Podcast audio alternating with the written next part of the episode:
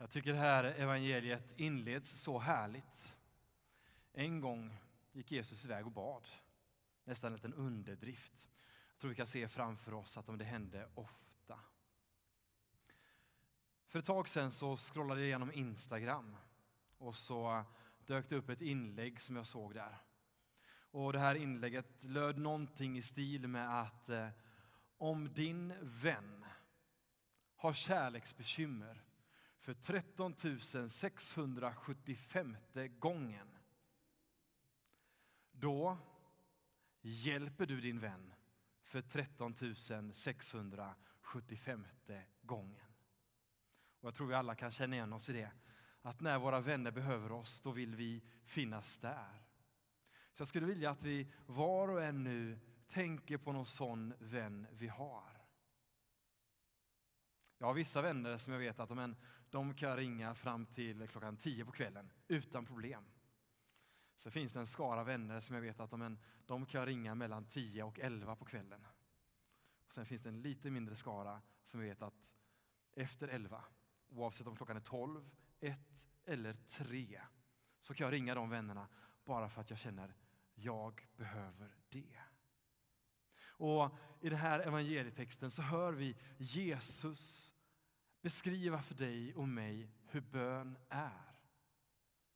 Hur vi skulle kunna knacka på hos vår vän mitt i natten för att vi behöver bröd. Och Jesu poäng är, hur mycket mer ska vi då inte kunna göra samma sak gentemot Gud?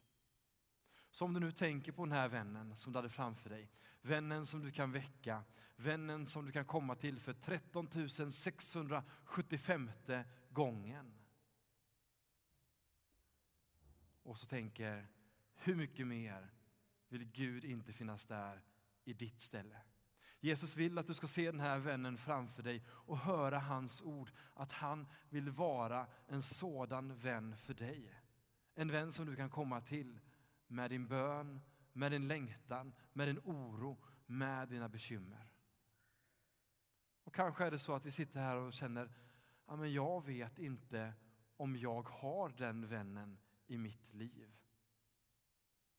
Då är det glada budskapet till oss alla, till oss var och en, till dig och mig. Gud vill vara den vännen för oss. Vännen som vi kan vända oss till när vi vaknar mitt i natten, när allting känns jobbigt och tungt.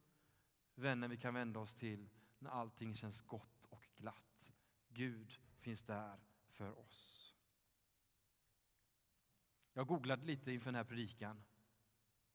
Det visade sig att 5% av alla i Sverige ber bordsbön varje dag.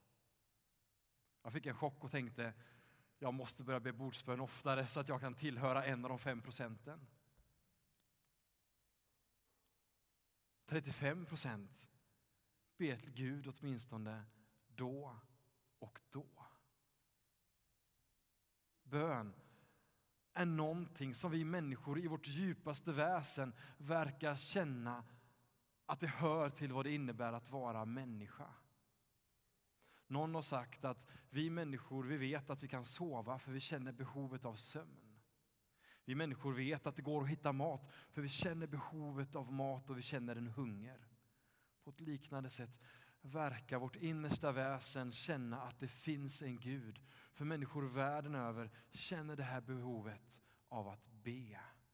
Och när vi ber, då finns Gud där och vill möta oss. Gud vill ha en relation med oss och Jesus gick ofta åt sidan för att be. Han behövde den tiden. Och behöver Jesus den tiden så behöver du och jag den tiden också.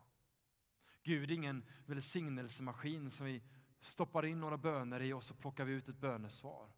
Så som vi på gymmet kan eh, Förr stoppa in ett mynt, numera stoppar vi in vårt kort eller vår swish och så kommer det ut en proteinbar.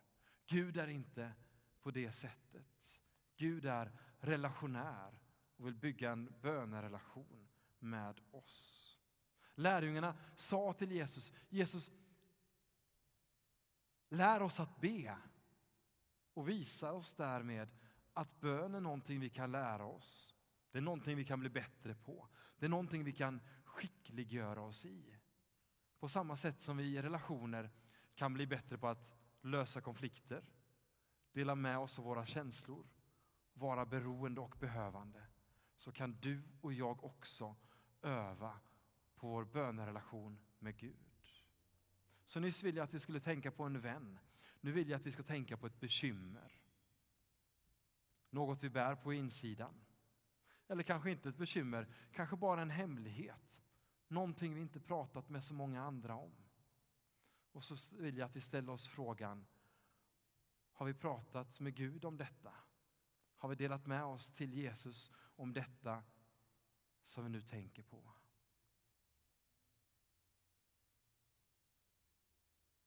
Jesus vill stå där med en öppen famn och ta emot din och min bön. Och vill att du och jag ska öva oss i, i att bli mer personliga, mer sårbara och faktiskt våga lämna mer av oss själva i hans händer. Gud vill vara den där vännen för dig och mig. Och så lär Jesus nu då lärjungarna att be.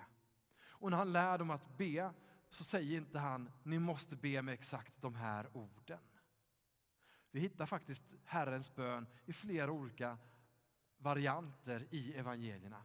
Herrens bön verkar vara en mall som innehåller några olika moment för att du och jag än mer ska förstå vad bön handlar om.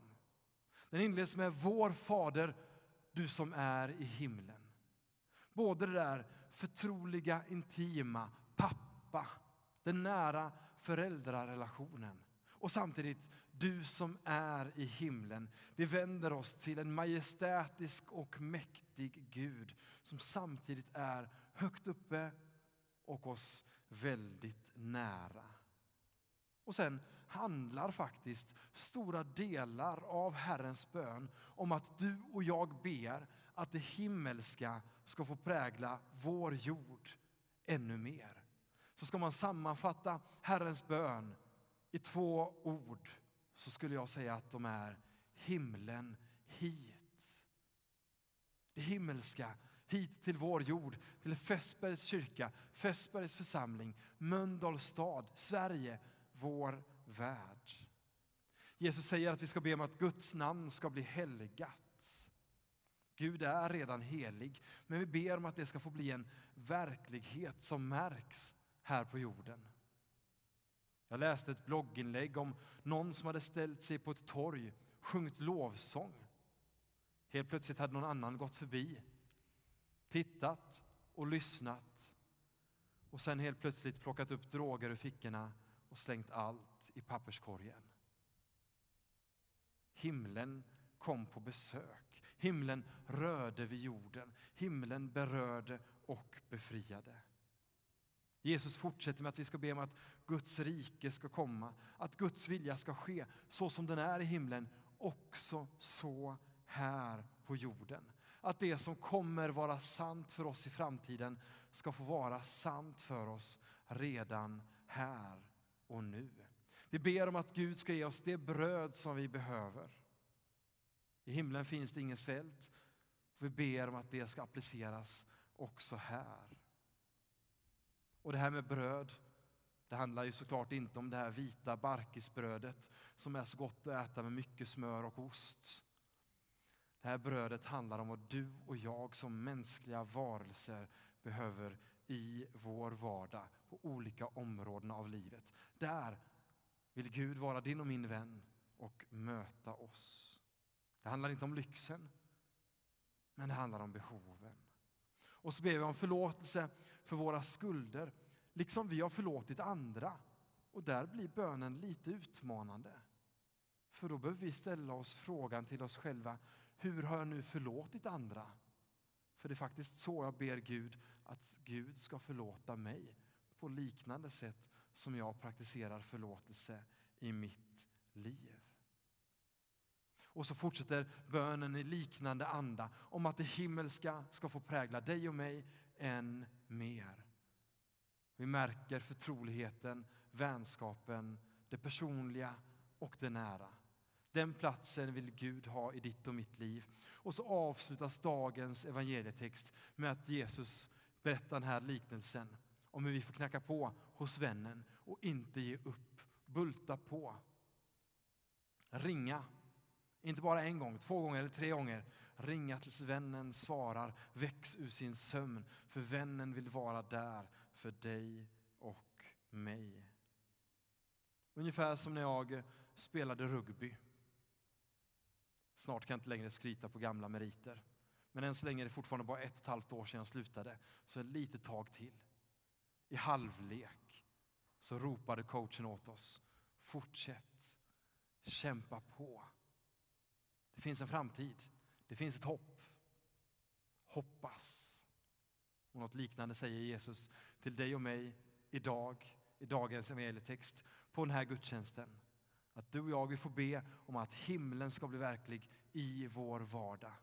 Låt oss fortsätta kämpa för det.